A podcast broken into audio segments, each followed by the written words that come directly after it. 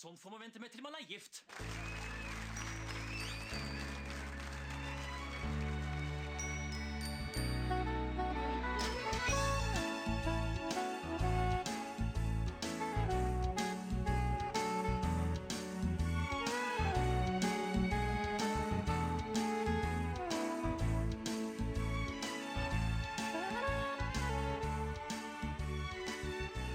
Hallo, velkommen til en ny episode av Norsk film filmpodkast. Podkasten hvor vi ser norsk film med et kritisk, men kjærlig blikk.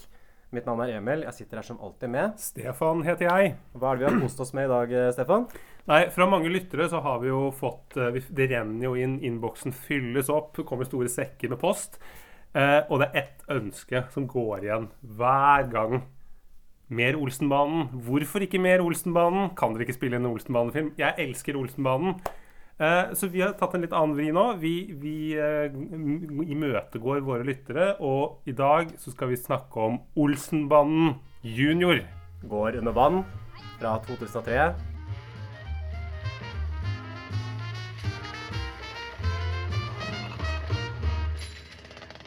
Men kom igjen da, Egon. Og nå må du fortelle hva planen din går ut på.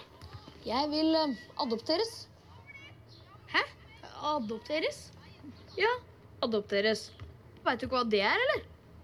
Eh, Jo, klart det, men eh, ja, du må forklare sånn at den Kjell også skjønner det. Det betyr at jeg skal bo hos en familie. Som om jeg var deres eget barn. Hos en familie med, med egne foreldre, mener du? Sånn far og mor og sånn? Det skjønner jeg godt at du vil, Egon. Ja, jeg veit ikke helt, jeg. Ja, En far og en mor, ja, de, de bestemmer veldig mye over oss. Altså. Gi deg du, Benny. Foreldre er veldig fint å ha, Egon. Og de kan stryke over panna når du er sjuk, og fortelle deg eventyr når du skal sove. Jaså, er det her du sitter og later deg, Kjell? Nå peller du deg opp og rydder rommet ditt. Det ser ut som det regner svinestien der oppe. Og når du først er i gang, så kan du ta oppvasken nå. Han sommerferie, mutter'n. Nettopp! Og da har du tid til å hjelpe mora og faren din som sliter seg halvt i hjel. Rangert av Arne Lintner Næss. Ikke Arne Næss, altså. Arne Lintner Næss. Nei, ikke filosofen. Jeg trodde jo egentlig det først, at det var den kjente naturfilosofen som hadde bestemt seg for å lage barnefilm, men det er en annen Ness. Du nevnte at han var i slekt med Lasse Lintner, som Hei, Lasse. jo, spiller jo hovedrollen i den serien som eh, denne podkasten her har hentet sin musikk fra, nemlig Holmes.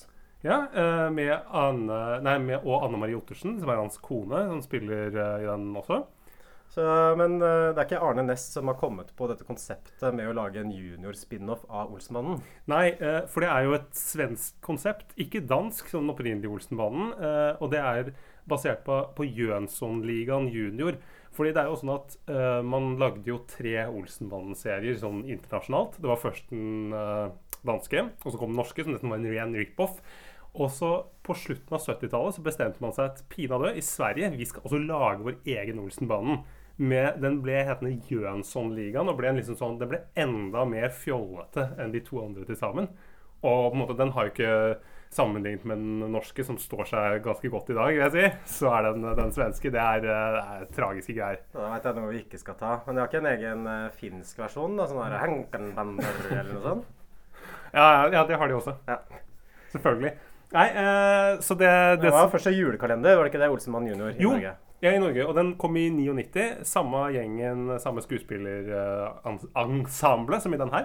eh, og så ble det da i 2003 Da skipa de den andre filmen. Og det er den vi skal snakke om i dag. Så det Eh, er ikke den første filmen, nei. Nei, det er, det er den første filmen, men den første Den, den Andre er julekalender. Ja, ja, først julekalender, også, men dette er den første filmen. Ja, så det andre er en serie. Hvor mange filmer ble det totalt da med junior? Nei, det er den fem-seks stykker. Jeg datt av det juniortoget etter Olsenmannen på Rockerne. Så ble de for gamle etter hvert, så da ble det Olsenmannen senior istedenfor. Ja, da kom de tilbake igjen. Den skal vi ta om en annen dag. eh, men eh, du, fordi jeg har jo vokst opp med de filmene her. Eller jeg har jo sett de to første. og Jeg så den julekalenderen på kino opp til, eller på TV opptil flere ganger. Hva med deg? Jeg tror jeg så julekalenderen. Jeg har ikke noen sterke minner eh, fra den. Olsemann Olsenmann junior går under vann. Den kom i 2003. Da var jeg 13. Som jeg tenker er akkurat litt for gammelt til å se Olsenmann junior. Du var vel på senior allerede da, du. Men jeg, jeg husker jeg beit meg merke med det, for det er han som spiller Egon i denne filmen her. Han eh, ligner ganske mye på meg som barn. Oi, Jeg vet ikke om du så noe likhetstrekk. eh, Ikke i det hele tatt. Han har litt, han litt mer sånn eggeformet skalle enn det du har. Nei, så jeg har vurdert å bli en litt sånn celebrity looker kanskje. Egon Olsen jr. Å ja. ja det, kan du, det kan du sikkert dra langt med nå. Ja. Vi kan jo gå i gang med handlingen her. Filmen starter på et barnehjem eh, hvor de serverer noe ganske kjip graut. Vassgraut, tror jeg. det er en slem bestyrer som heter Bollerud, som driver og deler ut den grøten der. Ja. Han har kjøpt bløtkake til seg sjøl, og så kommer det fram at han bruker pengene på kake til seg sjøl istedenfor å kjøpe kjøtt til barna. ja. Dette her er veldig upopulært, selvfølgelig, men en av gutta reiser seg opp og skal gjøre noe. Nå tror Bollerud han skal kose seg med bløtkake, sier gutten, men jeg har en plan. Og vi skjønner jo alle at det er Egon Olsen som har en idé, for nå skal han stjele kaka til Bollerud. Uh, Bollerud sitter og koser seg på rommet sitt. Uh, eller har på en måte et sånn Han har et rom bakenfor det, bakenfor det andre rommet. Det ser ut som et sånt litt sånn uh, Tenk Holmenkollen kapell Eller Holmenkollen hotell. Litt sånn sånn derre Sånn erkenorsk. Du ser liksom for deg at det kommer en sånn der konge og Espen Askeladden inn der. liksom Veldig sånn mørkt og dystert. Det ser ut som den der kroa som eh, Harald Eide Steen sitter og forteller historiene i de der eh, animasjonsfilmene, vet du. Ivar Koprin og oh, ja, det har jeg aldri tenkt på at det er en uh, Men det, kan faktisk Ja, være det det. er sånn type interiør. Ja, det er sånn Det eh, mørkt og dunkelt. og Tjukke trebord. mørk eh, sveisestil for dere som er liksom inne i eh, tematikken her. Og det er jo eh, Det som er, er at eh, Egon Olsen har en sånn finurlig idé hvordan han skal stjele kake. Så han, han har noe greier med en magnet, sitter oppe på et sånt galleri i andre etasje, og så firer ned eh, noen sånn magnet for å få tak i den kaka. Ja, fjernstyrt lastebil først, ikke sant? så han bruker til å dytte kakepotet bort til enden av bordet, og så kommer den eh, magneten. Men han gjør selvfølgelig ikke dette her aleine, fordi han plystrer først, og så kommer det to fyrer ut av buskene. En som er kledd i en sånn gulruta dress, og en i sixpence og brun uh, kålfløyelsjakke. Han i den uh, gulruta dressen sier 'Helmaks-Egon', og den andre spør om 'det er vel ikke noe farlig'? Og hvem kan det være? Ja, hvem kan det være? Det er jo Benny og Kjell, da, selvfølgelig. Ja, og de er jo med. Og eh, de som leverer kake til Bollerud For Bollerud går ikke på bakeren og kjøper den kaka selv. Han får, har noen medhjelpere. Dette er da Biffen, som er eh, erkerivalen til Olsenbanen, og hans to kumpaner.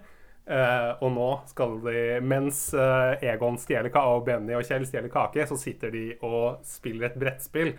Som han ene gutten sier 'Heia, heia, Ludo blir vi aldri lei av'. Vel bekomme. Nå tror Bollerotten skal få kose seg med bløtkake, men det skal vi bli to om. Hvor skal du? Jeg har en plan. Det er til å få opp denne esken, her, Fobbern. Åh.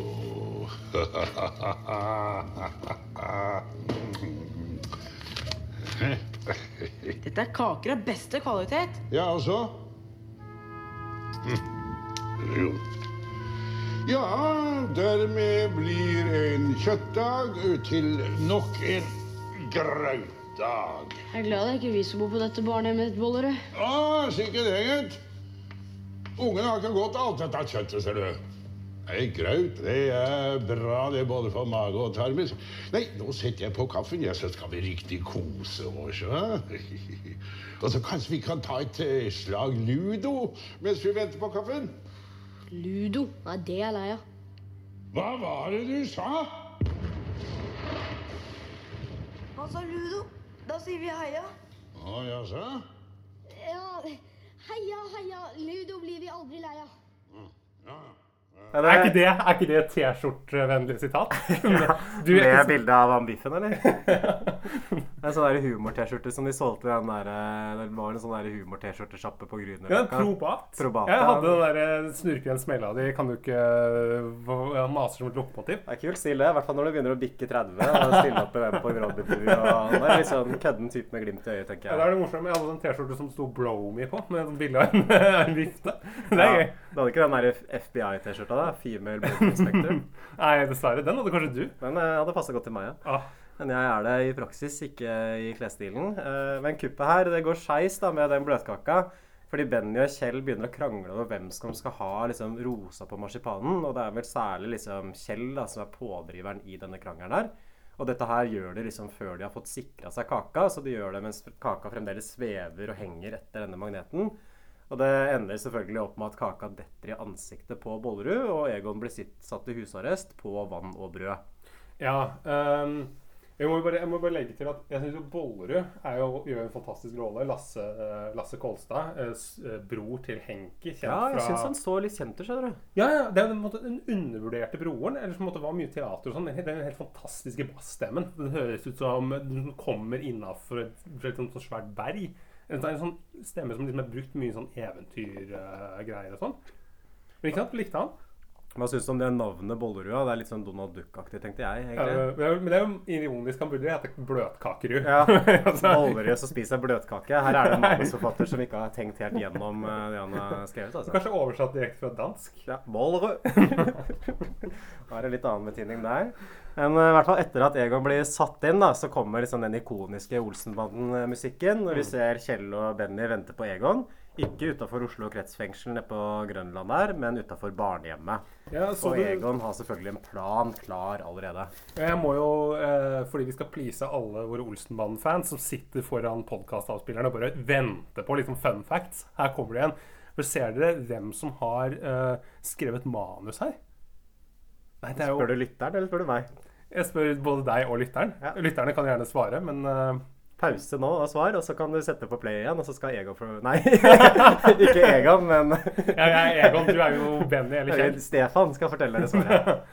Nei, eh, det er Sverre Holm, og han er jo kjent som Benny i eh, de gamle Olsenmannen senior.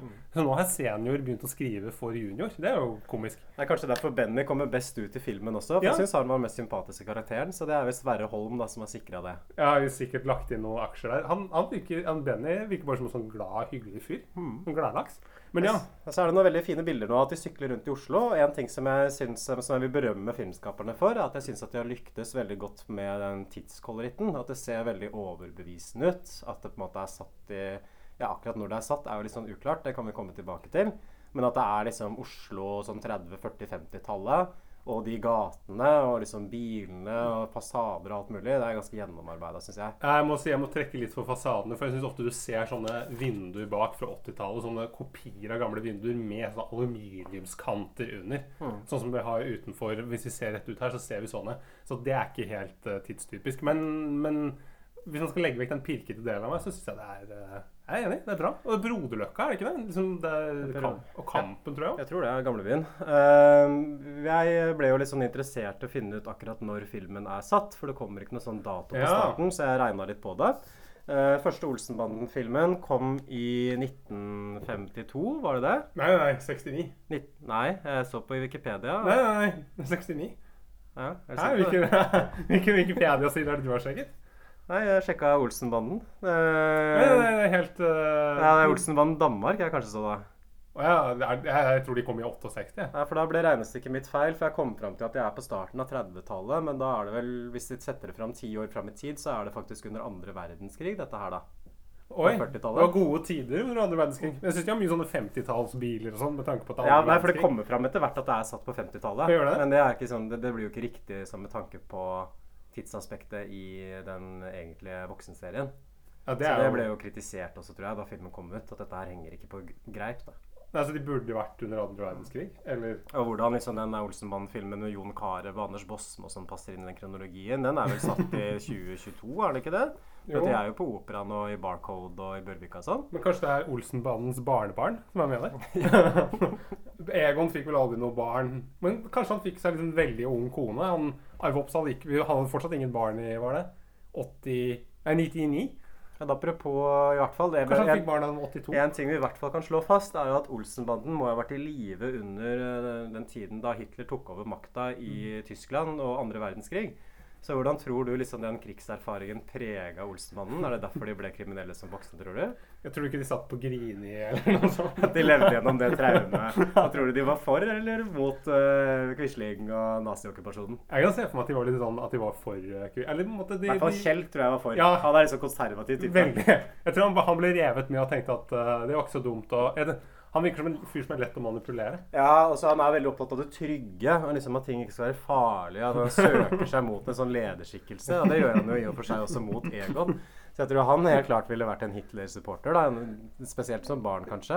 Ja, Mens Egon er jo kanskje sånn type som ikke bryr seg så mye. Han er mer sånn opptatt av egeninteresse. Hva er det han kan få ut av det? Jeg tror ikke han mente noe, men jeg tror samtidig at Egon glatt hadde meldt seg inn i NS hvis det var et fransk Jæger-pengeskap som skulle åpnes for en eller annen tysk storhai. Ja, Så jeg syns jeg kanskje burde kommet med en sånn Olsenbanden junior under naziokkupasjonen. eller ta rotta på tyskerne, eller et eller annet sånt. Hvorfor ikke? Krigsfilm er jo veldig populært i Norge. Spill det inn til en eller annen standup-komiker eller en eller annen eh, sånn komimaker. Ja, eller så kan du ha liksom holocaust og sånn som et sånn bakgrunnselement. Ja. Kanskje de driver og gjennomfører et kupp, og så er det et togsett der. At du kan ta liksom sånn som Olsenmannen jr. på sporet, og så roter de seg bort i en sånn vogn med jøder som skal ned til Auschwitz. Da. Ja, eller en vogn med sånne kremasjonsovner som skal ned til Auschwitz. Kommer liksom. Kjell inn der. Nei, nei, Kjell, du må komme ut! Vi skal til Polen i dag! Hvorfor ikke? Men tilbake til plottet. da. Egon har i hvert fall en plan om at han ønsker å bli adoptert. Og Det er liksom den igangsettende motivasjonen i filmen. Uh, han har lyst til å få foreldre og komme seg ut av dette barnehjemmet. Han vil ikke bare ha hvilket som helst foreldre, han vil ha rike foreldre. Og Det er litt sånn uklart hvor, for meg uh, hvordan man skal få liksom, det til å passe inn i en sånn typisk Olsenmannen-kupp. Fordi Mm. adopsjon det er jo kanskje ikke sånn vanlige historielinje i disse filmene. Nei, men det, det jeg liker jeg jo. spent. Men, de, men samtidig er det jo bra at de utvikler at de tilpasser et barnemiljø. Um, og, og det som det som er her, er jo at vi eh, Han har jo Det er jo to foreldre som kommer til barnehjemmet for å finne en passende gutt. Mm. Uh, Finn Skau, faren til Kristoffer Skau, spiller den ene. Hege Skøyen spiller mora. Ja. Med litt sånn tysk aksent. Hva var det de het igjen, disse folka? Litt sånn Eh, tysk navn, var det ikke det? Ja, hva var det, da? Wassenschover eller et eller annet sånt? det var et eller annet. Jeg, Mm. Det har gått meg litt uh, hus forbi. Så det, det er i hvert fall disse her jeg skal ta. Og så Egon har også en sånn fantasi om at han liksom drikker drinker ved et svømmebasseng. Og så kommer Benny inn og bare Ja, da kan du jo bli som Robin Hood. Og du kan ta fra de rike og gi til de fattige. Men Egon har ikke lyst til å robbe foreldrene sine. Han vil være den ordentlige sønnen deres. Så det er litt sånn sårt, det der. Og så er det sånn trist fordi, fordi Kjell og Benny blir jo satt på sidelinja. Hva skal de gjøre nå, når Egon forsvinner? Ja. Men Egon har jo en løsning på det òg. De skal bli Den rike guttens beste venner. mm. Er ikke det en eh, eh, det, er liksom, det, det er et bra bandnavn, er det ikke? ja, de, de, Den rike guttens beste venner. Ja. Det er ikke sugd fra eget bryst. Den er lånt fra Karen. Hei, Karen. Det, Siterer deg. blir sånn derre spyttslikker uh, ja, duo som bare henger liksom på som en sånn parasitt på Egon. Og det er jo egentlig sånn som det går også med Olsenmannen opp igjennom. For det er jo Egon som er liksom pådriveren i gjengen, føler jeg. Ja. Og Benny og Kjell de definerer liksom livene sine i ganske stor grad ut fra det Egon holder på med. Mm. Så de allerede i barndommen så er det litt sånn derre Parasitter, ja, men tror du ikke de klakører ja, Du mener det? At de er parasitter? ja, Det er på en måte en slags parasitter. Hvor hadde de vært uten Egon, liksom? Nei, de hadde vel eh, Kjell hadde sikkert tatt over den butikken til foreldrene sine. Den lille kolonialbutikken. Og som vi alle vet, så hadde den gått konk liksom på slutten av 60, tidlig 70-tall. Utkonkurrert av Rema, ja. Og dessuten, rike unger får alt de peker på. Oss, Egon? Hva med oss da? Dere? Dere blir jo den rike guttens bestevenner. Mener du det? Og det ville vært fenomenalt. Den rike guttens beste venner. Det er akkurat noe for meg, det, Egon. Ja, men først må dere hjelpe meg å bli adoptert. Adoptert? Ja, vi møter en annen karakter her også, som blir ganske viktig i historien, og det er Valborg. Hun, eh, og så har hun en venninne som heter Ingrid. Så Valborg hun kjenner vi jo godt fra Aud Schønemanns karakter, men hvem er hun Ingrid egentlig? Det er jo et nytt påfunn. Hun er ikke med i de voksne filmene. Nei, Ingrid forsvinner vel etter hvert. Eller, jeg Synes det er litt sånn unødvendig. Hvorfor skal hun være med? Er det bare så Benny skal ha seg en dame? Syns du det var en bra karakter? Nei, men hun, hun gjør ikke noe forskjell i historien. Nei. Det er ikke noe med historien som handler om henne, så jeg syns det er litt sånn unødvendig kanskje å introdusere en sånn Det er kanskje for at Valborg skal ha noen å snakke med. Ja, Sånn at du faktisk ikke snakker til deg selv når du Ja. klager på Kjell. Mm. Så de skal få den scenen litt seinere i filmen når Kjell ikke dukker opp på kino. Så må Valborg liksom stå der sammen med noen og si sånn 'Å, Kjell, hvor blir han av?' Og da skal den personen være Typisk Kjell! Så man trenger liksom en venninne da, som, som kan være med henne og være hennes dialogpartner i de Åh, scenene. Og hun er en ja. tynn karakter. Ja, Det er drømmen å få den eh, rollen der. Jeg syns det er også litt utrover lite troverdig, fordi Valborg er jo den klart peneste av de to. Men så er det Valborg. Hun er med Kjell, og Ingrid er med Benny. Men jeg tenker at Benny er jo den kuleste og den kjekkeste av Olsenmann junior-gjengen. Ja, han er ganske jeg synes han er en attraktiv uh, ung gutt. Ja, jeg syns også Valborg, eh, hun som spiller Valborg, hun barneskuespilleren, er altfor pen til å liksom passe over en til Aud Schønemann eller hennes karakter Ja, i faktisk. voksenfilmene. Ja, det, det er liksom det er, det er, ikke, det, er ikke, det er ikke det samme type samme fjeset der. Mm. De ser helt forskjellige ut. Skal vi gå videre til første kupp? Eh, Ja. altså, Egon forteller planen mens de driver og drikker solo, ikke så ringende som i voksenfilmene, at eh, Hege Skøyen og han Finn Skau skal komme på barnehjemmet, og så skal de på en måte ha en slags sånn audition for å finne seg en kid de kan adoptere. Ja, Og da skal Benny og Kjell skaffe kløpulver og noe illeluktende gammelost, og så skal Egon bruke det for å bli kvitt eh, konkurransen. Ja, og det han gjør er jo når, eh, når disse foreldra For de byr jo fram Disse barna står på rekke, eh, og så byr de fram ett og ett barn, og så stiller de noen spørsmål. Så da putter han gammelost i dressjakka på den ene og kløpuller i nakken ja. på den andre. Og ja, ikke sant? Da tenker de æsj, sånn stinky bombe, sånn liten stinky. Han skal vi ikke ha. Eller han, han som klør og har lus. Det er Ja, eller. ADHD eller et eller annet sånt. Ikke Ja. sant? Ikke klarer å stå i ro. Du kan ikke, ha en sånn gutt når du, når du skal adoptere fra barnehjemmet. Men det er veldig flaks for Egon at det er akkurat de folka som står rett ved siden av han som blir valgt ut. Fordi hvordan skulle han gjort det hvis det var en av de som var på enden? Ja. Måtte han liksom strøkket seg rundt da for å få lurt opp i den gammelosten? Ja, det hadde faktisk det hadde jeg ikke tenkt på. Det er en glipp i manus her. Ja. Fra her fra Sverre Holm.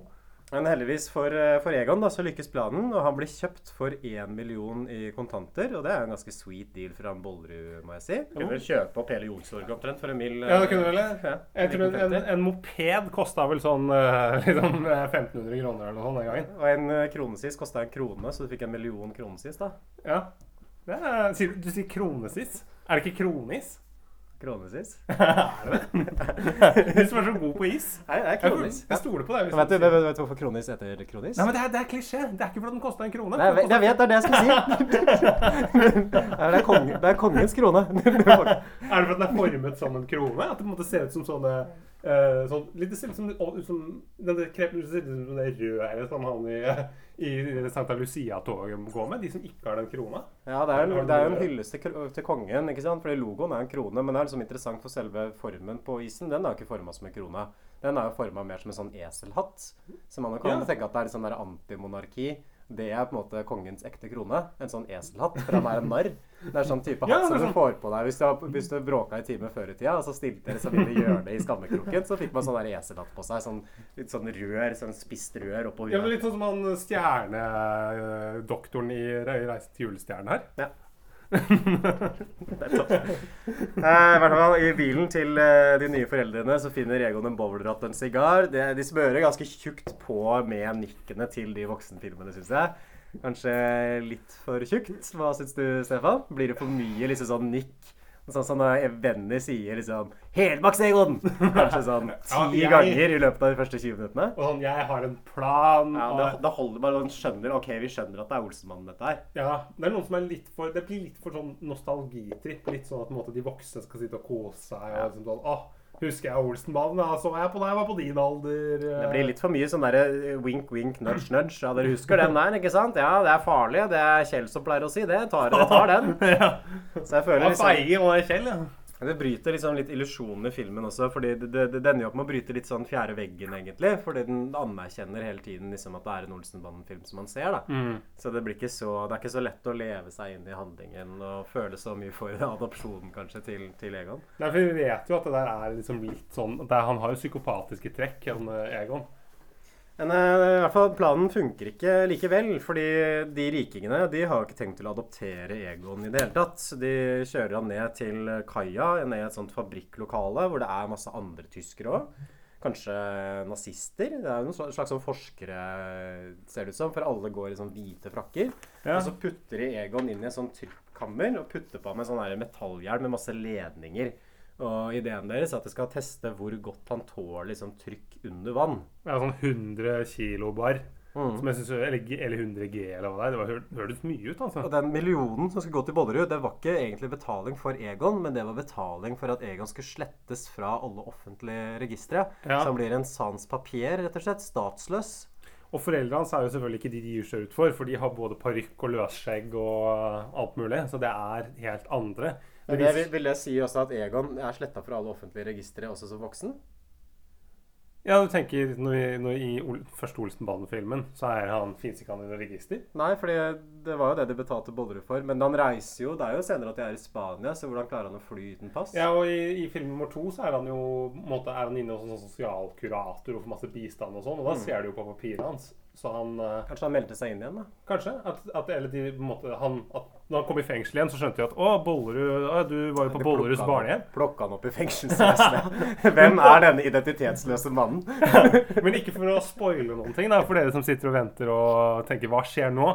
Men Bollerud blir jo arrestert til slutt, så det kan jo være at, eh, at de da finner ut at, eh, at Bollerud Nå sletter han ikke identiteten likevel. Nå blir papirene funnet igjen. Så tar Anders Hatlo liksom og taster inn informasjonen til Egon Olsen på nytt. Og, ja, Ordner alt. Lager et nytt og. Johannes Joner og hele den gjengen der. Ja, Det er litt sånn interessant, fordi det er ganske annet oppsett på filmen her enn vanlig. fordi det er jo ikke liksom Egon som igangsetter en plan, men han blir mer sånn lurt opp i planen til noen andre. Og gjengen er jo heller ikke samla. Det er liksom Egon som er aleine, og så Benny og Kjell er på kino med, med Valborg og hun Ingrid. Og de veit ikke en dritt om hva som eh, skjer. Det er noen sånne fine kryssklipp-scener der hvor vi sitter og ser på Benny som koser seg med film, mens, eh, mens vi liksom klipper tilbake til trykkammeret hvor Egon liksom hele fjeset hans holder på å boble, og for det er så jævlig mange barr inni den der eh, lille trykkokeren. Men uh, fikk du med deg hva slags film de så, eller? Vi gifter oss.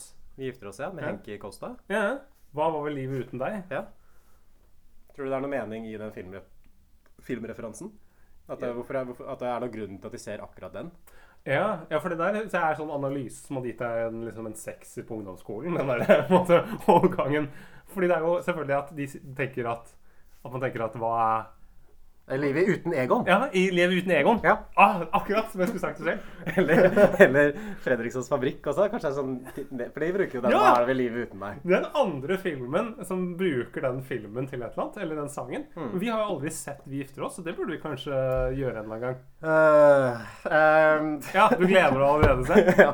Uh, altså, disse tyskerne, de er, de er faktisk nazister. Eh, de vil ha tak i en ubåt som ble senket under krigen, og som inneholdt masse gull og juveler. Og den ble liksom senket ute i Oslofjorden. da. Så ideen deres er at de skal må senke Egon ned i en dykkerklokke for å hente ut skatten fra den ubåten. Og grunnen til at det må være akkurat Egon, eller et barn, da, er at den åpningen i ubåten er for liten til at en normal dykkerklokke, som en normal voksen kunne vært i, kunne passa inn i. Og moren til Egon er jo egentlig Usla Wassersmith, som hadde en far som var nazi, og som flyktet fra Norge i 1945 og hadde med seg den store skatten i den ubåten her. Mm. Uh, Så de trenger liksom en liten dykkerklokke, men, men de kunne jo også brukt en, eh, en kortvokst person til dette her. hadde ikke det vært mye lettere? På en måte, istedenfor å ha et barn, i hvert fall. Ja, de, de visste jo ikke at Egon liksom var den personen som han var, da, men det er kanskje den verste personen de kunne valgt i et sånt type Det Ja, ganske dårlig. Du burde heller valgt Kjell. Så utspekulert og illojal type som Egon Olsen. Så vanskelig å skremme. Og da, eh, Det blir jo ikke noe tvil om hva som måte blir filmens handling herfra ut. Fordi Egon skal stikke fra disse tyskerne, og så skal han få tak i de juvelene på egen hånd. Jeg synes Det var en veldig morsom scene her. Det er filmens beste, hvor Egon gjemmer seg inni en madrass, og så sniker han seg liksom ut bak en vakt. Det er veldig komisk. For at han går liksom inni den der madrassen. Og så når vakten snur seg, så lener han seg inn mot veggen, og da ser det bare ut som en vanlig madrass. Ja, for det står masse, tilfeldigvis masse andre madrasser i den gangen her. Ja, det var jo flaks. og det, det er jo flere svakheter òg, fordi at eh, det er noe med at han uh, gjemmer seg i et sånt uh, han, han, han kommer seg ut, og i den madrassen, som er, som er senga hans, er det den celle hvor han bor. Og så kommer denne henchmanen, eller de vaktene, løpende inn på rommet hans etter at Egon har gått ut i madrassen. Så det er veldig merkelig at de ikke reagerer på at Oi, det er en seng her uten madrass. Madrassen er borte, ja. ja. Men åssen funker det? Er det plass til et menneske inni et sånt madrass? Han måtte vel ha dratt ut det fôret som er inni? Ja, Eller er det- ikke masse sånn sprinkler og dritt inni Ja, det kommer an på Hvis du har sånn skumgummi, så kunne du dratt ut alt fôret. Men det ser jo ut som at det er litt fôr igjen. da Ofte er det jo bare én sammenhengende skive. Hva tror du de tyskerne holdt på med med alle de madrassene? Greit nok, de trenger jo én madrass til. Det var jo snilt av dem, da. Gi han liksom en ordentlig god madrass på Sånn Jensen eller Hestens madrass. Det er jo hensynsfulle nazister, dette her. Fordi mindre hensynsfulle nazister ville kanskje bare latt den sove rett på gulvet, eller Men da hadde du aldri Eller på en rømme. planke. Hvis han, eller på ikke sånn, gjemt seg inni en planke, nei. bare på sånn trebenk eller sånn høy køyeseng. Eller hvorfor har de også de madrassene stående ute i gangen? Ja, det skjønner ikke jeg. Er det et eksperiment? Er det sånn at de prøver å hoppe fra liksom lange høyder og se om De kaster folk ut fra høyder og ser hvor mange madrasser som må til for å dempe fallet. Og hva ville skjedd hvis det var vannseng? Da måtte jo Egon liksom svømt inn i Ja, en vannseng. men det er før, van det er før vannsenga. Det fantes ikke vannseng, vannseng i 1944. Nei uh, Så, men, men det, ja, jeg eh, kan eh, diskutere litt mer sånn kronologien. da, fordi det kan, er, det, Filmen er satt på 50-tallet, så det er ikke de samme karakterene likevel. Eller er det sånn at de originale Olsenmannen-filmene er liksom egentlig satt i framtiden? Altså Hvis den første kom i 1969, som du sa, så var den egentlig liksom satt Nei. i 1989? Du ser, jo, du ser jo i veldig mange av de filmene at det står for eksempel at det er en kalender, i Olsmann-filmen er en kalender som det står 1976 på, og så er filmen fra 1976. Hvorfor tror du de har tatt det valget om å liksom kjøre det på 50-tallet istedenfor på 30-tallet og bli for gammelt og langt tilbake? Ja, kanskje det er det. Og at på en det er sånn nostalgi, og at det er lettere å finne biler og, altså, du, måtte, du kan spille litt mer på sånn Ja, 50-tallet var litt sånn god tid. Jeg tror ikke 30-tallet i Norge var noe bra tid, egentlig. Nei, og depresjon. Da hadde faren til Kjell hadde ikke eid den butikken. Men De hadde sånn jobba på fabrikk hele gjengen. Ja, det hadde ikke vært så koselig. Så det er, det er vel det. En glad ungdomstid. Glade Mm. ungdommer som har masse fritid, kan gjøre akkurat hva de Ja. vil. Post-war boom, liksom. En del av et annet gloriøs, er ikke det man kaller den perioden der? Du, De din fransk er bedre enn min, Emil. Eh, Egon kommer seg unna, så møter han Benny og Kjell. Han er veldig trist over at han ikke fikk foreldre likevel, men Kjell er mer opptatt av Valborg og Han driter i. Egon. Ja, jeg syns Kjell liksom rett og slett framstår Du kan komme tilbake til seinere også, men jeg syns han framstår som en ordentlig kjip, egoistisk idiot i hele filmen. Ja, for Egon Han, han, han, han driter totalt i vennen sin sine følelser. ja, Egon er blitt fanget og allting, og det eneste Kjell tenker på, er de øreringene. At han må kjøpe Valborg, må liksom gi henne disse øreringene. Som- Hvis ikke så går Valborg, liksom den flyfilla der, går bare rett over til eh, erkerivalen, som er Hermansen, da, som blir liksom politiet ja. som voksen. Eller, nei, eller ja, han heter Herman. Så det er den eneste karakteren som ikke har originalt navn. Han heter Herman. Men er ikke det Hermansen fra Jo, fordi faren hans er politi og heter Hermansen. Ja, Så han heter jo kanskje Herman Hermansen. ja men det er jo Dan som for han ligner jo på en prikk på han Hermansen i voksenfilmene. Syns du det? Ja. Nei, nei, nei. Men en tynn, det er- hengslete fyr. Men det er ingen tvil om hvem som er det svake leddet i gjengen. Og jeg syns også Kjell er vel ikke så illojal i de voksenfilmene. Nei. Er han det? Nei, for det, han, er, han er illojal, men så er han jo ofte innimellom så tar han seg sammen og er modig. Mm. Så det er jo på en måte den helt, han er virkelig blitt en mye hyggeligere person som voksen. Og det er det jo mange som er. da, At de blir, er usympatiske som barn, så blir de litt bedre. Enn Kanskje det er. Sverre Holm igjen som bare Du, ta så skriv han Kjell litt mer egoistisk usympatisk. Så, så, så, liker, så liker publikum eh, Benny litt bedre. Og Benny blir alltid glemt av de tre Olsenmannen-folka, for Egon er hovedpersonen. Alle syns at Karsten var så flink. Hvorfor har han aldri, hvorfor har han aldri skrevet en sånn bok om at han følte seg glemt? Det Ja, for Benny er jo liksom den liksom intetsigende dritten i midten mellom eh, Diplomaten som alltid som løser ting. ja, for hva er hans karakter? på en måte? Egon er lederen, altså Kjell er feig. Mm. Mens Benny Glad og litt naiv. ja. Vet ikke. En smart versjon av Kjell. Mm. Tenk at Bollerud solgte deg for en million, da. Stakkars deg, Egon. Du som har glede og sånt for en familie. Og så var det bare svindel hele greia. Ja. I det ene øyeblikket trodde jeg at jeg hadde fått meg foreldre. I det andre så hadde jeg ikke det likevel. Å nei! Hva er det? Hva med øringa til Valborg da? Hva mener du? Ja, Nå som du ikke er blitt millionærsønn, så har ikke vi blitt den rike guttens beste venner heller. Og så Ja, Åssen skal du da skaffe penger, sånn at jeg kan kjøpe de øringa til Valborg? Slutt å mase om de øringa, da, Kjell. Ser du ikke at Negon har det fælt? Ja, Hva med meg, da? Jeg, jeg har det fælt, jeg også. Ja, Du så da sjæl hvordan han Valborg flørta med Herman under kinoen i går kveld. Valborg bare skal ha de øringa til bursdagen sin. Så nå skjerper du deg. Omfløyelse, Egon. Du har det sikkert fælt, du også. I hvert fall, Vi har en plan. Det er et pengeskap hos eh, Bollerud. Det er ikke sånn Frens Frans Jæger-pengeskap. Så det er faktisk et av de få eksemplene på at filmen liksom lar en sånn sjanse til å spille på nostalgi gli forbi seg. rett og slett. Det er rart at de ikke liksom la inn den. Eh, og da blir vi introdusert for en annen gammel kjenning, altså Dynamitt-Harry. Så det er liksom interessant å få et sånt innblikk i bakgrunnen til disse karakterene. Her kommer klasseanalysen. Egon er foreldreløs, det veit vi.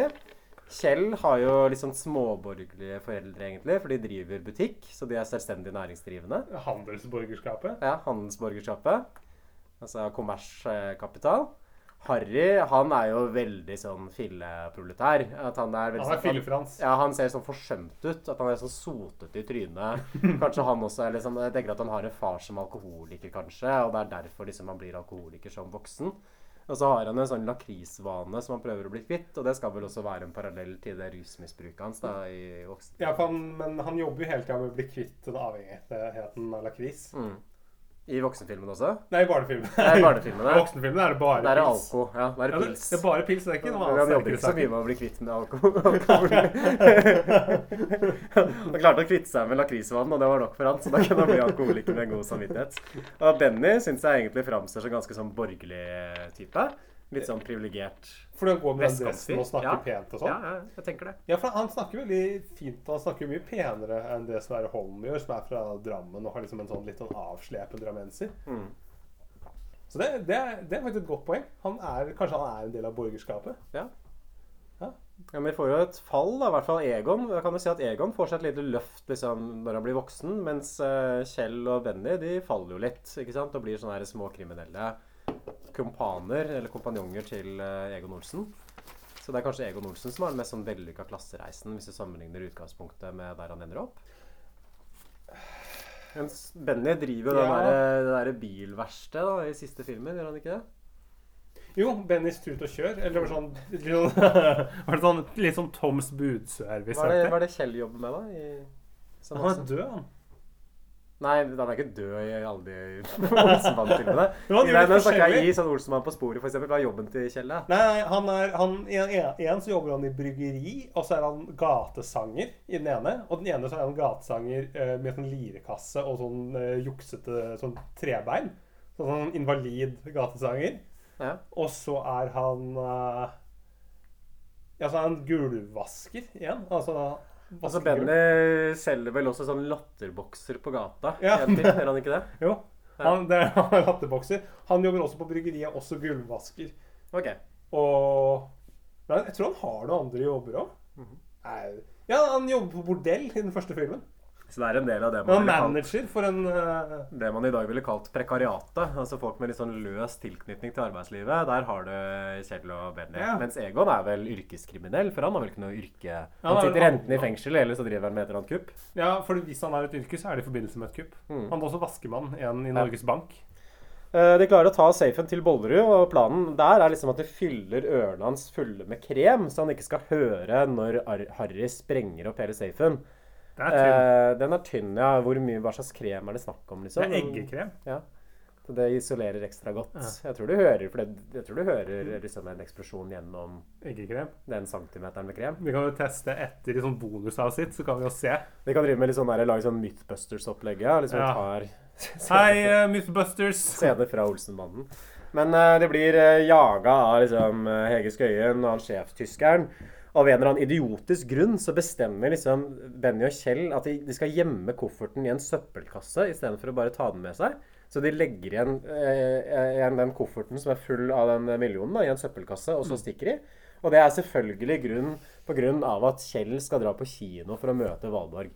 Så igjen så er det på en måte Kjell som ødelegger for resten av gjengen. Han som ødelegger for plottet, og de mister en million pga. hans egoisme og dumskap. Tenk at den kjærligheten, eller det er ikke det engang, er verdt én million kroner for han og bare rekke kinoen. Ja, han må finne litt ut av prioriteringene her. Han kan jo kjøpe masse øredobber til Valborg med den eh, Ja. 333 000 da, som det blir. Delt på tre. Ja, det var jo mye, mye den gangen der. Fikk sikkert uh, 333 000 øredobber for Hvorfor kan de ikke bare ta den kofferten med seg? For de stikker jo, de kommer seg unna. Så de kan jo bare bære den kofferten. De trenger ikke å legge den igjen. Nei, for Det er det jeg ikke helt skjønner heller. Hvorfor legger de den igjen? For jeg burde- kommer seg ut. Der burde det jo være et eller annet i filmen at det er en grunn til at de ikke får den med seg at den kofferten for eksempel er jævla tung. ikke sant? Eller at den er festa til et eller annet. Eller at, som det gjør at de ikke kan Men kan kanskje bare var det tusenlapper i, eh, på 1950-tallet? Ja, eller Kanskje at måte, det var veldig mange lapper? At måte ble var veldig tung? Ja, men da, da må de si det nesten i dialogen. Ja, åh, det er, For at den Er virker ikke noe, for de eh, løper jo med den først. Så de kunne jo bare holdt den i hånda og prøvd å komme seg unna. For den blir jo funnet av de der tyskerne, selvfølgelig, så da mister du jo den der millionen. Så det hele kuppet blir jo gå i vasken. Ja, det er jo han, Grunnen til at de mister den, er jo fordi at han, er- de gjemmer den i søppeldunk, og han ene henchmanen, han tyske, han faller ned i en søppelkasse. Mm. Ja. Min favorittrolle, faktisk, han uh, henchman. Ja. Jan Grønli, som spiller han. Bra. Hva er det han er kjent fra? Um, han, han leser Per Pettersons 'Ut og stjele hester' på lydbok. Og han har spilt i Lucky. Uh, I Lakket? Lucky, uh, the, Lucky? the Boy Who Grew Wings. Som er en Hva med venner-film. Vi må videre. Uh, Egon Pedofil spiller han. Pedofil. Egon kler seg i drag. Han skal liksom prøve å komme seg ut av Oslo da, uten å bli tatt av disse tyskerne. Så han kler seg ut som en uh, dame som heter Turi. Ja. Og driver liksom og sjekker opp Kjell, og det blir enige om at Kjell skal på en måte posere. Det- Jeg, jeg, jeg, jeg synes at det der hele plottet med Kjell og Valborg er nok det som fungerer dårligst Ja. for meg. Det er veldig kjedelig. Helt ure, og så er Og helt nå, ja, nå, nå blir det en sånn derre ah, fordi, fordi Valborg ser liksom Turi, da, eller Egon, i drag sammen med Kjell og blir sjalu, og hun tenker at han er utro, bla, bla, bla. Uh, vi ble også introdusert for politiet. Amund Ja. Sjatlå spiller inspektør Hermansen, så det er jo faren til den Hermansen vi kjenner. Mens eh, Johannes Joner spiller eh, Holm. Jeg syns egentlig det burde vært omvendt her, fordi Johannes Joner ligner jo mye mer på liksom Hermansen. Ja, for han er en blond fyr. Og liksom, det er vel ja, men han har liksom samme fjes, i hvert fall. Ja, men Hatlo ligner jo mer på Øyvind Blunk. Ja, det er sant. Med den barten og sånn. Ja. Og poenget her er vel at det er så lite å gjøre hos politiet at uh, han, det er sånn Sisyfos-arbeid for han uh, Joner som bare må spise blyanter. Så kommer Hermansen og knekker blyanten etterpå. Ja. Så må han spise på nytt. Men han er heldigvis en sånn stor uh, blyantspiser som du kan feste til skrivebordet. Mm. Har du det på kontoret Det er ditt? ikke verdens verste jobb, det. Nei, jeg bruker penn, jeg. Penn, ja. Forstyrrer jeg? Ja, selvfølgelig gjør du det, Herman. Men selv om jeg har det fryktelig travelt, så har jeg alltid tid til å ta meg av mine faderlige plikter. Hva gjelder det? Ukepenger? Ukepenger? Jeg skal ut og seile med en søt pike. Skal du ut og seile med en søt pike? Hørte dere det, Holm? Min lille Herman har visst en liten rev bak storseilet. Ja, ja, så må jeg jo spandere is på henne. Ja, selvfølgelig. Um, Holm, har de småpenger på dem? Fire 45, sjef. Bra. Uh, gi dem til Herman. Men uh... Ikke noe men. Politiarbeid er samarbeid. Ja, det kan de også like godt notere dem. Tusen takk, sir. Å, ingenting å takke for, gutt. Det var så lite. God tur på Bøljan Blå. Tre av. Eh, og Herman, kjøp noen Ja, nå begynner liksom hovedkuppet her, da. ikke sant? Fordi de tar ferja til Oslofjorden, og så leker Olsenmannen litt sånn katt og mus med tyskerne. Og så får man sånn parallelt plott med at Valborg og Hermansen jr. er ute og seiler på Oslofjorden. Og så får man politiet. Så det er liksom sånn tre historielinjer som driver og krysser hverandre. Og i likhet med Olsenmannen, Olsenmannen på sporet, så er det en veldig sånn lang kuppsekvens. Hvor de bare driver og roter rundt ute i Oslofjorden i det som føles som en evighet for meg. Så jeg må ærlig innrømme at jeg slutta litt å følge med på det tidspunktet Hæ? her. Så kan du fylle inn på hva som skjer, eller, i de scenene der, eh, Stefan? Jeg svarte på mails og gjorde andre ting. Jeg, eh, det ble nok litt sånn sjakkspilling og kabal og Kabal, det er ditt spill. Ja, nei, eh, det, det som skjer her, er jo at de er ute i Oslofjorden fordi at Fordi Egon skal jo bli sendt ned i denne dykkerklokken. Og nå vil jo Olsenbanen junior gjerne at Egon skal bli sendt ned i dykkerklokken, for da kan de hekte av dykkerklokken og så ta skatten for seg selv. Så det som skjer, er at Egon tilfeldigvis kommer borti uh, de her eh, tyske folka liksom midt på Langøya, midt på natta, fordi han, han spør etter veien. Han lurer på liksom Unnskyld, kan dere si meg veien? Ja, det, er Å, ikke til, det, er det, til, det er ikke tilfeldig, det. Det er planlagt fra hans Ja, det er planlagt fra hans side, men det virker, det virker Hvis jeg hadde vært de tyskerne, så hadde jeg tenkt uh, stilt noen spørsmålstegn der. Uh, eller satt noen spørsmålstegn og på en måte bare lurt på hva de Hva denne gutten gjorde her ute, og hvordan på en måte Han er jo ikke så dum, men de, de tar det for god fisk og sender den i dykkerklokken. Hvordan skal de dra Egon liksom til seg? Det er en sånn vaier som Ja, det er en vaier eh, som eh, styres av Harry, og så er det et sånt uh, alderdommelig dykkeutstyr. Og flere ungdommer som er på en måte vant til sånn dykkerutstyr som hvor du har en sånn tank på ryggen med surstoff, så er dette før tanken kom. Så da får du surstoff fra en ledning, og den ledningen drives med en sånn håndpumpe på land. Og dette er ikke liksom en sånn håndpumpe som du pumper opp sykkeldekket ditt med, eller fotballen, men en sånn svær en. Sånn, sånn med liksom eh, eh, med, med to sånne store sånne ratt på siden som størrelse med sånne rattet på Christian Radich, liksom. Og så må du ta og snurre rundt liksom, for å få luft inn da, i den dykkermaske- Men dette her det kunne jo gått veldig bra. Egon er samarbeidsvillig, litt sånn eplekjekk, ble heist ned der. Men selvfølgelig, som alltid, så svikter dette her fordi Kjell Det svakeste leddet Ja, det svakeste leddet. brister igjen. Fordi Kjell, som skal holde eh, få luft inn i dykkermaska til Benny, som skal ned da og hjelpe Egon eh, Han istedenfor å pumpe luft, så skal, løper han ut for at han ser Valborg i vannet. Og hvorfor er Valborg i vannet? Så, så, så, det er vel fordi at vi har vært ute med Hermansen, og Hermansen er liksom ja, Hermansen junior det er forvirrende greier, det her. kjørt det der, ja, et eller annet sånt. Men, men det som er, det som er så, så Kjell vil heller at vennen sin skal dø og, og, og, og, kveles i den der dykkerklokka. Fordi han liksom er så opptatt av å vinne over Valborg. Og det er liksom prioriteringen hans. Så hva skjer liksom med Bros Before Hoes? Jeg synes Det er helt sånn, det er et under for meg at Kjell fremdeles er en del av Olsenmannen som voksen med den type oppførsel der. For at han ødelegger jo alle plottene som de gjør. Han ødelegger først med den kaka. Det er han. Og så mister han den millionen. Og nå holder han på å drepe Egon på kupp nummer tre. Så det er tre av tre kupp som vi ser liksom Egon planlegge og gjennomføre i filmen. Så er det Egon, nei, Kjell som ødelegger hvert eneste et. Ja, og den, der, er det- den banen her er jo ikke bærekraftig verken økonomisk eller sosialt. Nei, og den derre sutringa hans underveis også. Liksom det, det der, hvordan Ja. han holder ut liksom, Hvorfor er han så viktig? Hvorfor kan ikke dynamitt Jeg ville vil tenkt hvis jeg var Egon Fuck Kjell, vi tar heller en dynamitt-Harry Ja, dynamitt- Så kan Kjell bli dynamitt-Kjell, da, ikke sant? Så bruker han til sprengstoff. Nå sprenger han seg selv i luften, så er vi kvitt Kjell. Og det, måte, Poenget her er jo også at Dynamitt-Harry står jo da og driver For at uh, Kjell driver pumpa, Dynamitt-Harry driver en vinsj som da skal kobles til den dykkerklokka. Så uh, det det ender med, er jo at Harry må gjøre dobbeltarbeid, og han redder jo dagen. For han greier både å pumpe luft og holde i gang uh, vinsjen. Han blir liksom aldri helt anerkjent, han dynamitt-Harry. Hvorfor det? Jeg skjønner ikke hvorfor. Han virker som, han virker som en ganske hyggelig fyr. Det Ja. er Lakrisavhengigheten, men den hører vi jo ikke noe om nå. Nå spiser han jo ikke lakris. Han får ikke lov til å være med å gå sammen med Melle på den rekka. Han kunne gått som fjerdemann, han. Ja. Fem ikke? Eller, eller tredjemann, så kunne Kjell Ja, Kjell eh, han kunne holdt på med noe helt annet, tenker jeg. Drive butikk, sånn som de småborgerlige foreldrene. Så langt det går. Anerkjenner du ikke å Så drive liksom butikk? monopolkapitalen kommer og tar deg. Ja. Anerkjenner du ikke alt det harde arbeidet Rema-Reitan har lagt Nei, ned? det, det anerkjenner jeg ikke. Kjøpmannskapitalen den kan du få billig av meg. Men, um, Gratis, si. Ja, jeg synes at det, det, det, jeg ble rett og slett sånn sur og sint av å se på. Så jeg, fikk- jeg fikk lyst til å skru av. Ja, I hvert fall når, når Kjell skulle stikke av for å redde Valborg på slutten her. Hvis jeg er så dumt. Ja, For det ville du aldri gjort hvis, eh, hvis kjæresten din holdt på å drukne. Så hadde du bare tenkt Ja, at men hun holder ikke på, hun holder ikke på å drukne heller. Ja, men han, han uh, Hun er jo med Hermansen. er det sant. Det er på en sånn liten flåte. Det er jo fordi at han har lyst til å redde henne fra Eller for, for å kapre henne fra Hermansen. Det er jo det som er motivasjonen hans, ikke for å redde henne. Og du kan jo si hva du vil, men at Kjell er liksom Han er ikke Det er jo ikke Det er ikke topp eh, top notch eh, type, men Hermansen, hans sønnen, Herman, han er jo ikke noe Det er jo på en måte lav, lavmål. Altså det er jo Ja.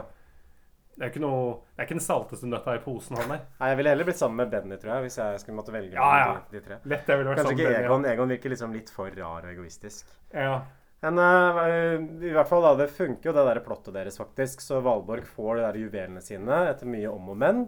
Mens Egon har fremdeles ikke fått familien som han ønsker seg. Så han er på en måte litt sånn taperen. Mm. Uh, Benny muntrer han opp. Hvis du ser på Valborg og Kjell, så blir du kanskje onkel før du veit ordet av det.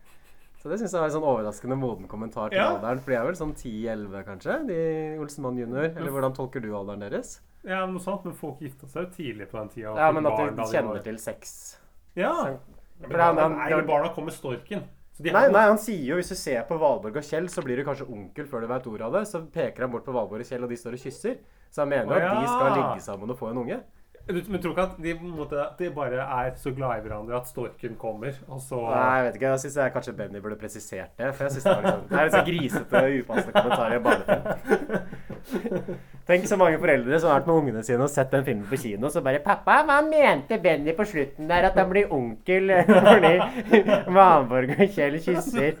At det, det er sikkert mange mange barn som har lært om sex og liksom hatt den der blomster og bien-samtalen som en direkte konsekvens av Olsenmann junior går under vann. Var det sånn, var det sånn du lærte om det, Stefan? Ja, ja. ja, ja. Det var akkurat i den filmen her. Jeg trodde Blomsten og bien var litt sånn pensjonert. Når noen er så glad i hverandre, så, som uh, Valborg og Kjell er i den filmen her Altså etter at mannen har gitt masse juveler til dama da, da kan det iblant komme ut et barn. Ja, for det er jo det er også poenget vi uh, det som, altså, som alle har regna ut, så får jo banden tak i skatten. Og det er jo masse juveler og greier i en sånn pose, eller en sånn en, en kiste. Ja, ja. Og så dekorerer Kjell da Valborg opp med alle disse juvelene. Mm. Men Ja, det er litt sånn golddigger, enn eh, Valborg. hun, ja! Jeg er ikke, er ikke liksom et, et førstevalg, altså. Det er mer troa på hun Ingrid, egentlig. Ja, faktisk. Men jeg ser er veldig liksom fraværende og litt sånn nasal når du snakker. Jeg er liksom opptatt av at uh, kvinner skal ha litt pen, vakker stemme. Ja, det er det viktigste for deg. Ja, det er, det, er, jeg, det er sånne verdier jeg er opptatt av. Stefan er jo blind, så han er mer opptatt av hvordan folk høres ut. Nei, eh, men det blir en sånn trist avslutning på filmen på én måte. Fordi Kjell får jo Valborg, og Benny får Ingrid, mens Egon er aleine. Og så viser det seg altså at de bruker opp alle pengene de får på å selge inn av de juvelene på å kjøpe boller og brus for å arrangere fest på barnehjemmet. Som jeg Så jeg får ikke så mange mye boller og brus for en eske med juveler, viser det seg. For det er kanskje sånn 20-30 boller. Og 50 flasker brus, eller 30 Mm. flasker brus. Ja. Brusen var jo dyr den gangen, men ikke så dyr. Mm.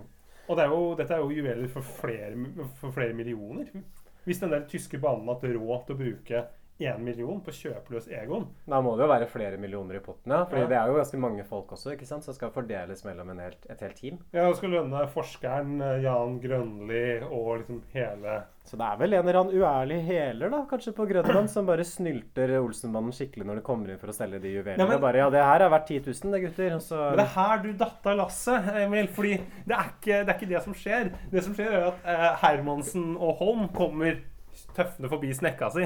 Som bare, den snekka kan bare kjøre én vei. Den kan bare gå baklengs. Og Holm kan jo låne den så ofte han vil. Hva har det med juvelene å gjøre? Nei, de kom, politiet beslaglegger skatten. Det gjør det, ja. Okay. Ja! ja. Og da, men men eh, banen skal jo få en eh, klekkelig finnerlønn for arbeidet. Så det er finnerlønnen som går til boller og brus? Ja, men det er jo likevel lite finnerlønn, Mm. må jeg si. Og så syns jeg det er veldig sånn heroisk og snilt at Nei, du gir finnerlønnen til en gjeng med barn? Sånn der, Eller, men hvis du gir det til barn, da kjøper de seg noe kul, kanskje en sånn kul noen DBS-sykkel eller noe annet. De kjøper seg ikke boller og brus til det barnehjemmet. Jeg syns det virker litt vel sånn Det er litt sånn karakterbrudd for Egon også. At han er såpass raus at han vil spandere på hele barnehjemmet. Fordi hvis det er én ting man vet om Egon, er at han er jo en jævlig egoistisk type. Ja, ikke raus i filmene. Nei, han vil jo Han vil ikke ikke kjøpe modelltog til Kjell hvis. Egon Olsen får 10 000 kroner i hendene, så kommer han aldri i verden til å kjøpe brus og boller til masse barn Nei. som han bor på samme barnehjem til. Nei, altså man måtte ha til og med eh, putta kløpulver og gammelost i skjortene deres. Så for de ikke skulle bli adoptert. Han driter jo det. Solidaritet det står ikke høyt oppe på lista til Egon Olsens kjerneverdier. Altså. Der er det alle mann for seg sjøl og én mann for alle. Hva tror du han hadde stemt? Han Frp. Det er demokratene, tror jeg. Ja, men herregud, Han er jo tidenes Frp-velger. Han er liksom halvkriminell og så drømmer om å flytte til Spania. Men eh, ja, så her slutter filmen. Um, har du noe mer eh, du har lyst til å si, eller? Vekka det noen eh, refleksjoner, eh, noen barndomsminner kanskje, å se denne filmen her på nytt? Ja, altså, jeg koste meg og gløgg i hjel. Og jeg hadde jo, jeg jo trodd at dette her kom til å bli mye verre enn det det faktisk var. Jeg, jeg synes det, var altså, det var en fryd å se det. Og jeg må jo si at uh, det som hever det, er jo liksom spillet til Lasse Kolstad som Bollerud. Som er helt Han på en måte greier det der virkelig sånn mohaha, onde figuren. Og Jan Grønli som sånn henchman som løper Som løper som en sånn tegneseriefigur liksom med bryst med brystet liksom helt uh, i helspenn. Det er jo Så det er skuespillere som kanskje har sånn fem minutter skjermtid, som redder hele filmen for deg? Nei, men så syns jeg barna også gjør Ja, synes barna, Kjell- barna spiller veldig godt. Jeg overrasker det. Det må jo være en av de første barnefilmene hvor jeg syns barn spiller at barn da spiller godt skuespill. Ja, det, er, det er jo ikke så verst i 'Jakten på nyresteinen' heller, men jeg syns det er bedre her. Det er bedre her. Det er, og i hvert fall eh, Jeg syns Kjell eh, eh, Jeg kan ikke ha blitt mye damer på han etter den Nei, ja, det er skikkelig medmagnet, ass. Ja, han er provoserende, han. Ja. Han er produsent i dag, han som spiller Kjell. Så han har jo på en nådd Hva ganske med de to andre? Jeg husker ikke navnet på det. De som spiller Egon og Benny. Har Han ene blitt- to barn. Har to barn? Men har han blitt skuespiller? Det var det jeg Jeg lurte vet på. ikke. Ja, okay. Kan, eh, skal vi sjekke Wikipedia? Olsenmann junior junior blir det blir, den, den gleder du deg til å se, Emil. Ja, nei, jeg syns den, den var ganske sånn frisk selv, egentlig. Kanskje fram til det kommer til det plottet. Det, Ja, det er jo problemet kuppet. mitt med eller med kuppet, ja. Det er problemet mitt med mange Olsenmann-filmer. Mm. At jeg føler at den, selve det som skal være klimakset på filmen, blir ofte det mest uh, kjedelige. Mm. Jeg synes også det, det bærer kanskje litt preg av å være en barnefilm, for jeg føler at de må forklare alt veldig omstendelig for å passe liksom på at de minste også henger med. Oi, det la ikke jeg merke til. Nei, det er, det er kanskje forskjellen mellom deg og meg, men jeg ble litt utålmodig da, da jeg så den. Jeg syns det gikk litt treigt fram til tider. Du gjorde det? Ja. Selv i begynnelsen der? Mm, selv i begynnelsen, ja. Du kan ikke kake, se barnefilm? Nei, det er jo barnefilm, og så er det voksenfilm, tenker jeg. Men jeg syns det kakekuppet er nok det beste med filmen. Hæ, syns du Kakekuppet er det beste med filmen? Ja, jeg likte det med de magnetene.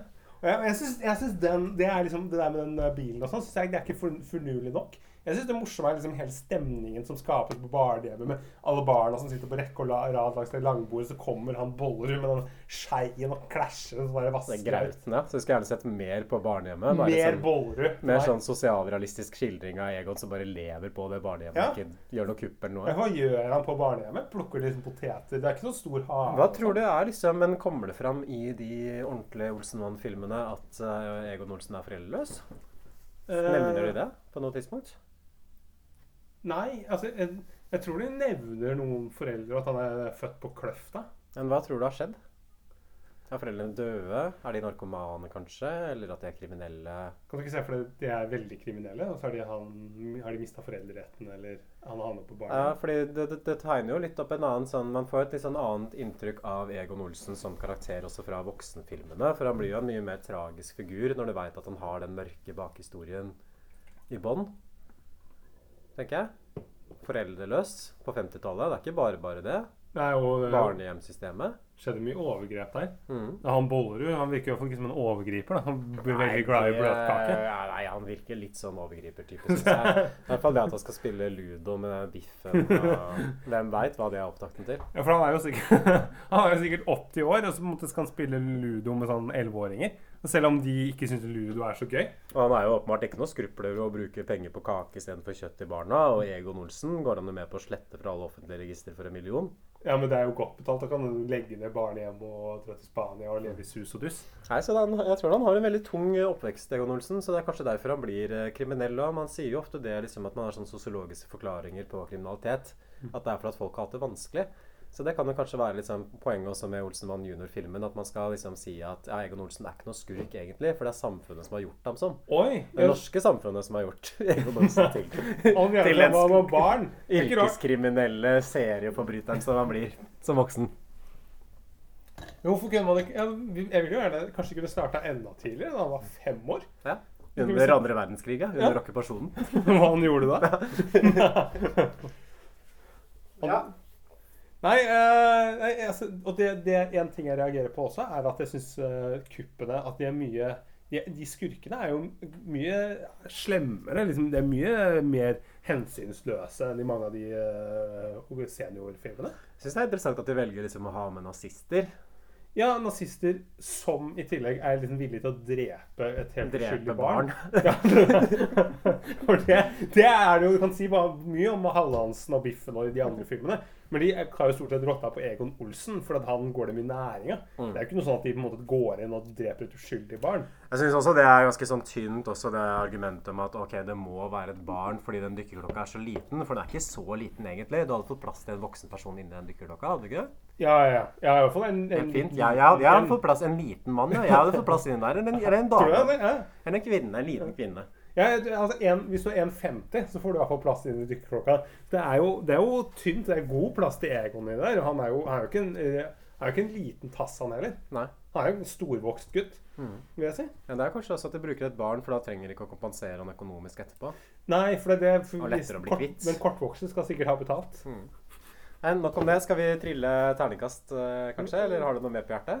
Eh, ja, altså Nei, jeg Hvor går Olsenmann jr. videre etter dette her? Har du noen formening om det? altså, er når, når barnehjemmet er, eh, når det er slutt Ja. Tenker du sånn Er, Olsenmann, er, er Egon i barnehjem på alle, i alle filmene? Nei, eh, eh, eh, sånn jeg husker seg neste, da spiller han rockekonsert. Han jeg hva slags plott er det for en Olsenmann-film? Rockekonsert? Hva Men er det å gjøre med kupp og safer og dynamitt og liksom de det, det, det har jo ikke egentlig noe De gjør jo ikke noe ordentlig kupp. Det er jo ikke noe sånn veldig ut... Altså, det er sånn som i den her òg. Det er jo ikke noe utspekulert. Det er jo bare den der gammelosten og det der kløpulver. Det nærmeste vi kommer et kupp. Det er jo ikke noe kupp, det er rampestreker. Ja. Så det er jo det, det, det, er ikke, det, er ikke, det er ikke det samme. De kunne bare kalt dem uh, gutt, de tre gutta i uh, gamlebyen. Eller tre gutta på Rodeløkka. Nei, uh, og så må jeg, det, jeg må, det jeg må legge til, er jo at jeg syns jo konseptet gjør seg overraskende bra som barnefilm. Altså, Ja, men det er jo fordi at Olsenmann-filmene er jo barnefilmer. Er det det? Er det ikke, syns det, er det ikke det. familiefilm? Akkurat som Egon er Familiefilm er det? Det er det samme som barnefilm, tenker jeg. Det er jo Ja, det. Olsenmannen på sporet er jo en barnefilm, ja. Jeg mener det er voksenfilm. Ja, du mener det? Det står jo uh, voksen. Det er tillatt fra tolv år eller noe. Nei, det er, det er jo det er grunnen til at du så det som barn først. Jo, men jeg, jeg så det jo liksom da jeg var litt Det eldre, og så gjenopplevde jeg det. Og så så jeg på en måte at her er det mange verdier som ting Tror du du hadde likt det like bra at hvis du så det som 30-åring først? enn som når du så det liksom, Hvis du, hvis du Ja, ikke hadde sett det da du var eh, ensifra år Men nå er jo lang fartstid innafor film, så det, er på en måte, det vil jo ødelegge det. Hvis jeg ikke hadde sett så Hvis jeg kom fra et, et sted hvor det ikke viste så mye film, og så, kom jeg, og så så jeg det, så ville jeg jo tenkt at det, det var jo det var bra. Det er det beste komplimentet jeg kan, kan gi til en film. det. Hvis jeg ikke hadde sett så mye annen film, så hadde jeg syntes at den filmen var god. Nei, men skal vi sette terningkast, da? Ja, øh, hiv i vei, Emil. Tre, tre. tre. Tre? Ja, terningkast tre. Fire. Okay. Jeg syns det var gøy. jeg. Helmaks. Røsk med fletta, Egon. Jeg har, jeg har en plan. uh, Snurpe igjen spella di. Nei, det er Lasse Geir. Dra meg baklengs inn i julekassa. Har du stær i kassa, eller, Nei, det har jeg ikke.